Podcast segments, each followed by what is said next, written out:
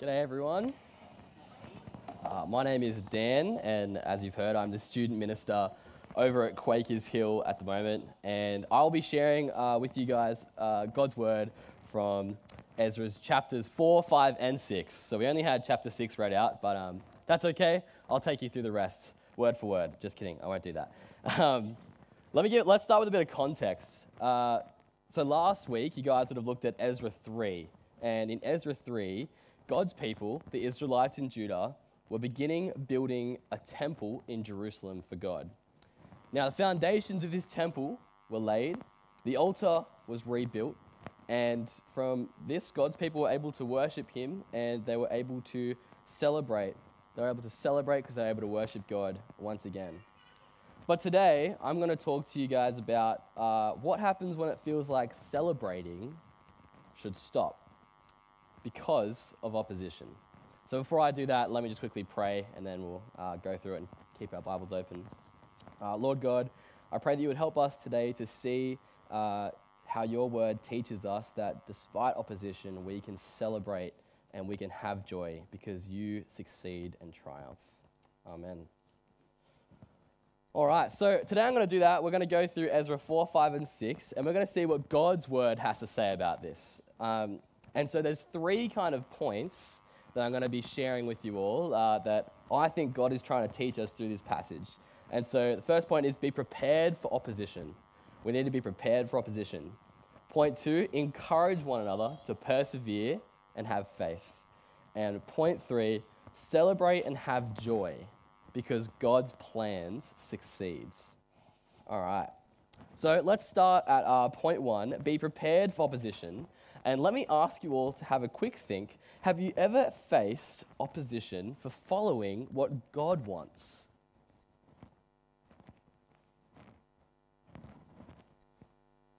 Well, I ask this because we all would have faced opposition at one point or another for being a follower of Christ.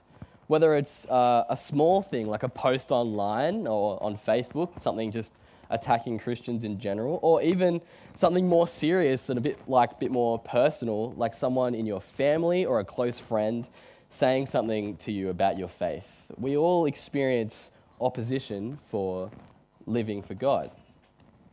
And you're not alone. Not only has everyone in this room experienced that if you're a follower of Christ, but also God's chosen people in the Old Testament, the Israelites, also experienced opposition. In chapters 4 and 5 of Ezra, we can see how opposition hits God's people pretty hard.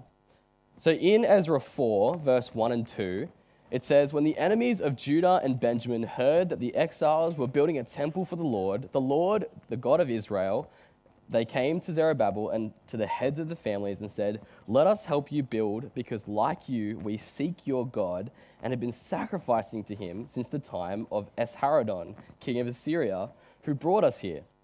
But Zerubbabel and Joshua and the rest of the heads of the families of Israel answered, You have no part with us in building a temple to our God. We alone will build the temple for the Lord and the, the God of Israel, the, as King Cyrus, the king of Persia, commanded us we can see that there's these enemies of Judah and Benjamin, right, that have come up to ask if they can help build the temple. And we think that these enemies are like this poor remnant that were left behind in Israel. They were left behind and they married off into other nations around them, like Samaritans and stuff like that. And so they've become uh, impure in God's eyes. So they become enemies to God's chosen people. So these enemies hear about God's people building a temple and they come along and they say, hey, let us help build this temple. We too sacrifice and serve to the same God as you. And sounds like a kind gesture. They're just offering to help, right? Uh, but actually, these people did not serve the same God. And it's pretty evident because these people didn't have a priesthood and these people didn't have a temple who were just hanging out around in this area. How are they supposed to sacrifice to the God of Israel? So, in reality, they're quite wrong in thinking that they're serving the same God. And the leader of the Israelites, Zerubbabel, and Joshua, they're very aware of this, so they say the clear and obvious thing no, you cannot help us build this temple. And here we have the leaders of the rebuild saying no, and they give a good reason. Apart from these people being enemies and not knowing God, the real reason they give is that they're building a temple because that's what King Cyrus told them to do. Back in Ezra 1, they were commanded, they were told by King Cyrus that they could go build this temple. But not only that, it's what God wants his people to do for him. God has called them to build the temple for him. So the Israelites are trying to follow orders and most importantly, honor God and live the way he wants them to. He's saying no, they're saying no to these people because they want to live for God.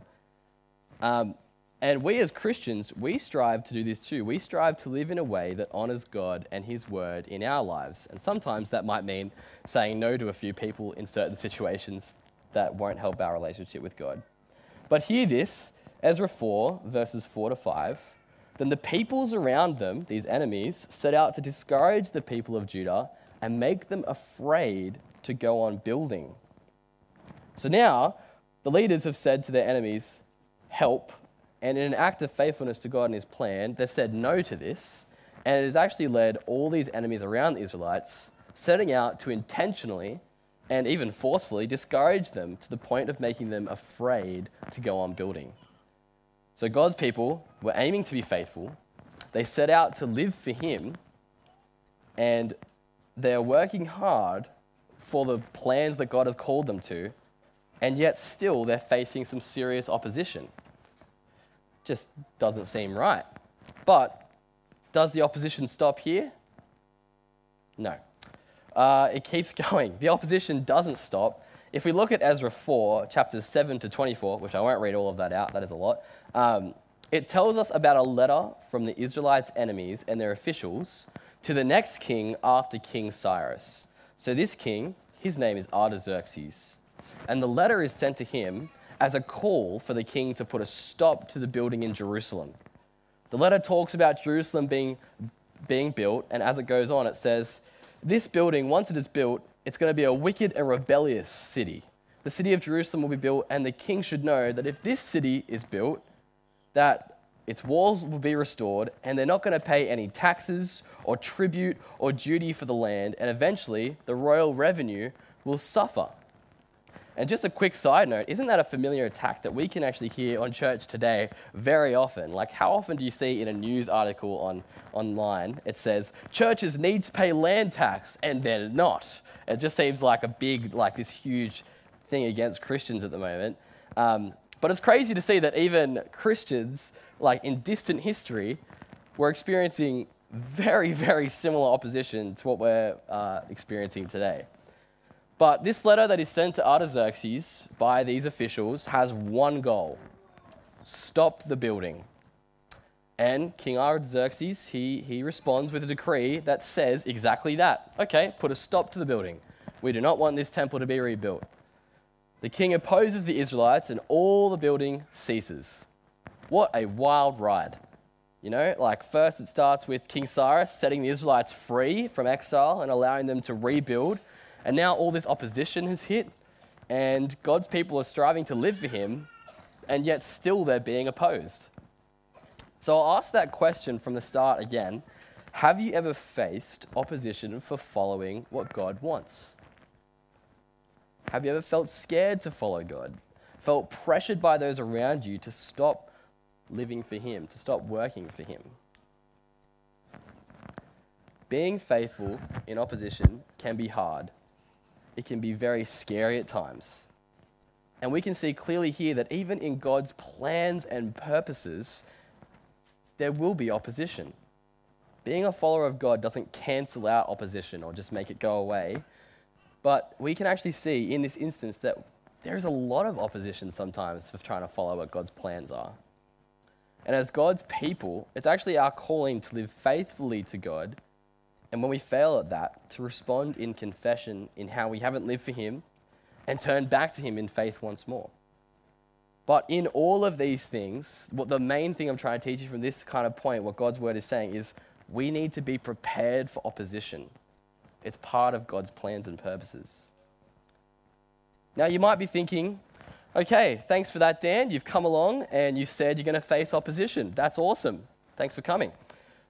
But how am I going to do that now? And that's a great question. Good thoughts. Let's think about how we should do that. And the basic answer is don't go it alone encourage each other to lean on God. And that's the second thing that I think God is trying to teach us here in Ezra.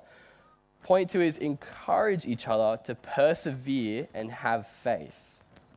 Now, Ezra 5, verses 1 to 2 says this The prophets, Haggai and Zechariah, the son of Iddo, prophesied to the Jews who were in Judah and Jerusalem in the name of God of Israel, who is over them. Then Zerubbabel, the son of Shealtiel, and Jeshua, the son of Jozadak, arose and began to rebuild the house of God that is in Jerusalem, and the prophets of God were there with them, supporting them. The Israelites have been told that they cannot build.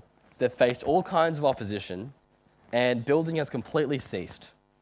But out comes Haggai and Zechariah, two prophets of God, messengers of God's word.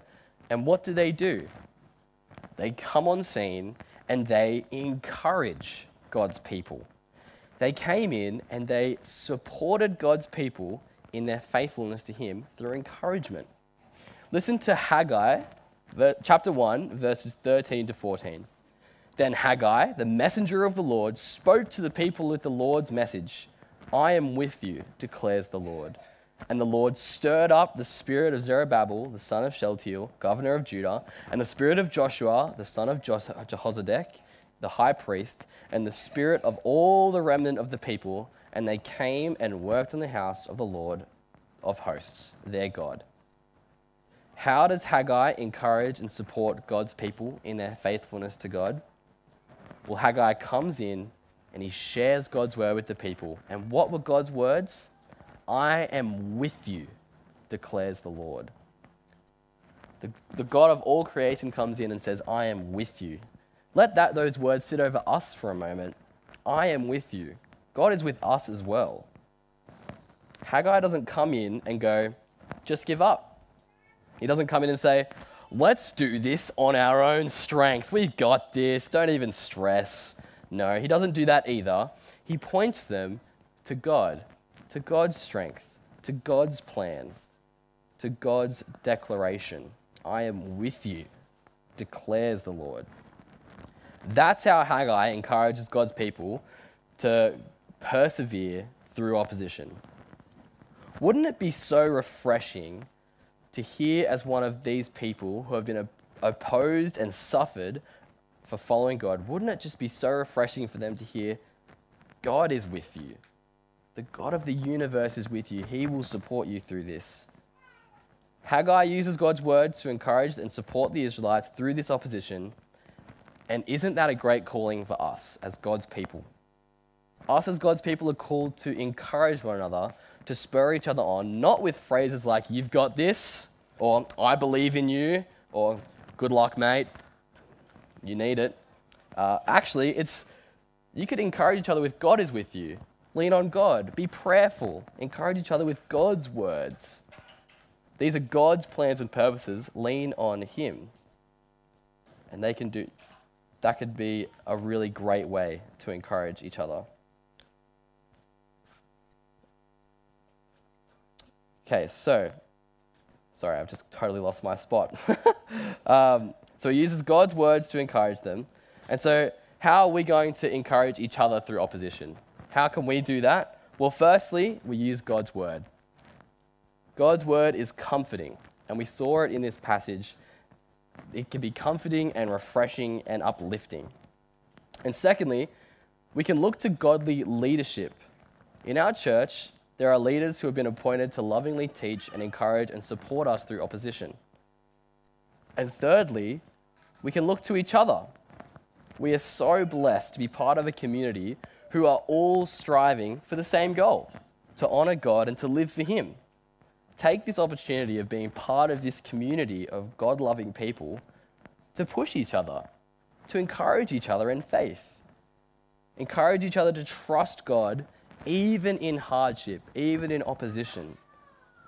Imagine if, in all situations, as God's people, we sought to spur each other on in faith using God's words.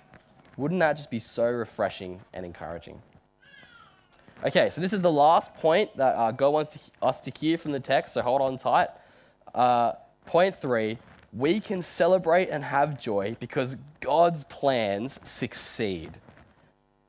I'll start by asking for us to consider one more time another question Should we celebrate and have joy whilst we are facing opposition? Should we celebrate? It's a big question to ask and a big thing to grapple with and think about. But let's jump back into Ezra and we'll come back to that question a bit later, okay? So, God's people, they've been opposed, they've been forced to stop building, the building has ceased, and for a while, uh, it's just been nothing happening. And then Haggai and Zechariah, they come along and they encourage and support the Israelites to continue building with the words of God. So, God's people have been opposed, they've been encouraged, and they've persevered, and building has started once again under the uh, words of God through Haggai and Zechariah. While they're building, God's people get a visit from some of the officials. In Ezra 5, verses 3 to 4, we read that Tattenai and Shethar-bozenai, the governor under the king of Trans-Euphrates, come to see what was going on and why they are building a temple. Now, it doesn't seem like Tattenai and Shethar-bozenai are here to cause trouble, but instead, it looks like they're just following their duty of checking in. So they've, they've come along and they're just going to see what's, what's happening in the land, make sure the king is aware of what's being built in his land and all these things, um, and everything is in order of what the king desires. So, uh, Sheth-bozenai and Tattenai, they come up to the Israelites and they ask, Who authorized you to rebuild this temple and to finish it? And they also ask, What are the names of those who are constructing this building? So these questions were just to ensure that uh, the Israelites do have permission from the king, and they're just trying to check up and make sure they're still good. But later in chapters 5, verses 10 to 16, we get a copy of a letter that is sent to the new king of Persia, King Darius. So just, I'll give you a bit of an update. There's, there's a lot of kings going on in this, in this book, and I, I got very lost when I was trying to figure this out. Um, but so King Darius is the third king that we're being introduced to. So the first king that we saw, right at the start of Ezra, King Cyrus, then King Artaxerxes after that came along, said no to the building. And then now we have this new king in Persia, King Darius. Is everyone with me? All right, cool, great. So this letter is sent from Tattenai and Sheth-bozenai to King Darius, and it outlines the names of the Israelites and the explanation of what's been happening in their history, including their unfaithfulness to God, their exile, their return from Babylon as well. And they also explained that they'd been stuck, uh, they'd been sent back to Jerusalem under the provision of God and under the decree of Cyrus to rebuild the temple. Now, chapter 5, verse 17 says at the end of this letter Now, if, if it pleases the king, let a search be made in the royal archives of Babylon to see if King Cyrus did, in fact, issue a decree to rebuild this house of God in Jerusalem. Then let the king send us his decision in this matter. And that finally takes us to Ezra 6, the Bible reading we had today. What a journey, my goodness. Um, so, where we get to, to now is the response of King Darius. That's what we had read out to us today. And the king did in fact do a search of the archives of Babylon. And it says in chapter 6, verses 2 to 5 a scroll was found in the citadel of Ecbatana in the province of Media, and this was written on it. In the first year of King Cyrus, the king issued a decree concerning the temple of the God in Jerusalem. Let the temple be rebuilt as a place to present sacrifices, and let its foundations be laid. The cost to be paid by the royal treasury, also the gold and silver artifacts of the house of God, which Nebuchadnezzar took from the temple in Jerusalem and brought to Babylon, are be returned into their places in the temple of Jerusalem, and they are to be deposited in the house of God. Oh, that's a lot. Now, this is pretty much an abbreviation of the decree of King Cyrus in chapter 1. Pretty much, he's just gone and said, Oh, actually, this is exactly what Cyrus said. I'll just copy and paste. Like, we'll let that happen. And we have a look here. It says the decree was found, and so King Darius, who found it, he sent out a new decree, which is a sigh of relief for God's people. This decree is what they were hoping for. Uh, it's all according to God's plan, though. So, God's people, they've been like hanging on the edge, like, are we going to be able to build our temple? We've had each other to encourage each other. What's the king going to say? But through all of this, it's been God's plan. None of this has been a surprise for him, but all of this has been according to the plan he's had for rebuilding this temple. The king in chapter 6, verse 7 says, Do not interfere with the work on this temple of God let the governor of the Jews and the Jewish elders rebuild the house of God on its site. What good news for the Israelites! The temple can finally be rebuilt. So, this means that God's people can come before Him and worship Him once again. But there's more. Not only does the king say, hey, you can go build your temple, but he becomes like the, the temple building sponsor of some sort. From verse 8 to 10, the king says all the Israelites' expenses are going to be paid out of the royal treasury of Trans Euphrates to keep the work going. He says, whatever animals that they might need, give it to them for burnt offerings. That is a lot of animals. Like that, if you have a look in verse 17 in this chapter, which we heard, it's a lot of animals that they're just, the king's just going, here, have all these animals. Um, he also gives the priests whatever wheat, salt, wine, and olive oil that they might need. And then he sums all of this up in a nice package by going, Give this to them on the daily without fail. That is a lot of stuff that the king is just handing over, like the, the sponsor of the temple. In verse 10, the king then writes, Do this so that they may offer sacrifices pleasing to God of heaven and pray for the well being of the king and his sons. The king then hands over all these things to Israelites the temple needs to, the temple needs to be rebuilt. And the king even then says, I'll defend you. If you have a look in the chapter as well, it says, If you oppose this decree, a beam will be pulled from your house and you will be impaled on it. That's some serious defense right there. like, very serious. And he also says, Your house will be made into a pile of rubble. He's not joking. This is a serious king. He will defend the Israelites. Then the letter finishes off with um, May God, who has caused his name to dwell there, overthrow any king or people who lifts a hand to change this decree or to destroy this temple in Jerusalem. I, Darius, have decreed it. Let it be carried out with diligence. What a mic drop moment from King Darius. He just goes, I've, I, Darius, have decreed it. Let it be carried out with diligence. Boom. That's it. Do what I say. Not only does the king say, go and build, but he says, I'll support you and defend you as you do this. What a turnaround. What a turnaround of this whole like situation here. Verse 14 says, The elders of the Jews continued to build and they prospered under the preaching of the prophets Haggai and Zechariah. And hear this, they finished building the temple according to what? According to the command of the God of Israel, our God, and the decrees of Cyrus and Darius and with a glimpse forward here, also King Artaxerxes, but you'll hear about that next week. So, brothers and sisters, where does this leave us with the Israelites? Well, the Israelites finally had their temple rebuilt. Uh, through this temple, they can once again have relationship with God because now the priests can sacrifice to God. But once the temple was built, the Israelites don't point to the kings first, Instead, they pointed to the commands of God.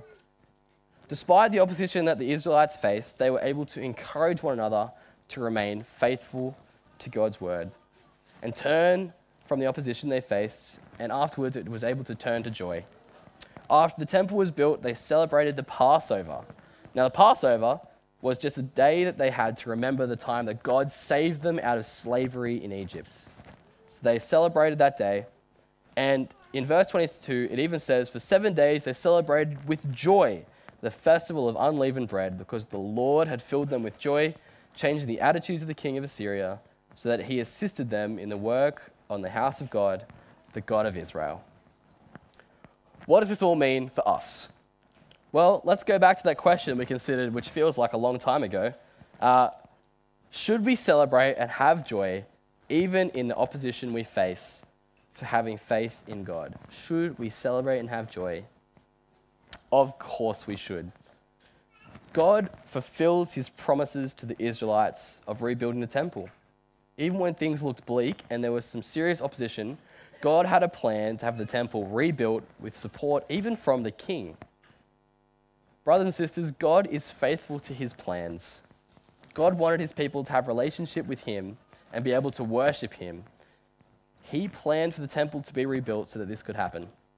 And we, as God's people now, not like the Israelites a long time ago, but we now have Jesus. For the Israelites in Ezra, they needed a temple to come near to God on earth. But for us, we have Jesus, who came to be the temple in the flesh with us. And then now, once Jesus had died on the cross and been raised again and headed back up to heaven, we now have the temple dwelling in each of us as believers of God. We can draw near to God because He now lives in us through the Holy Spirit and is present when we gather as a church. So if we have God with us, then we really can encourage each other by saying, God is here. God's plan succeeds, and we will one day be in heaven where there'll be no need for a temple because we'll be in the presence of God and there'll be no more opposition. So let me conclude by saying, brothers and sisters, we need to be prepared for opposition. Be ready for when it comes because it will. We are called to, and number two, we're called to encourage one another through God's word to have faith, even in the face of opposition, and use each other to build each other up. And we can also take heart because God's plan is the one that succeeds. And because of this, we can celebrate and have great joy because God's plans will always succeed and have already succeeded. Let me finish by praying for us all now. Lord God, uh, we praise and thank you for the work that you did in uh, the time of the Israelites, where you helped them to rebuild your temple that they may have relationship with you. God, we thank you that despite opposition, they were able to encourage each other to come back and look to you and trust your word. God, I pray that you would help us to, despite opposition, encourage one another to persevere and to have faith, to look to you and your word and trust it deeply. And Father God, we pray that you would help us to, despite opposition, which is hard and difficult, Lord, help us to still celebrate and have joy because of our faith in you. Help us to be reminded that in you, everything has been made complete, and because of that, we can celebrate and have joy. Lord, your plan succeeds. Remind us of that each day. Amen.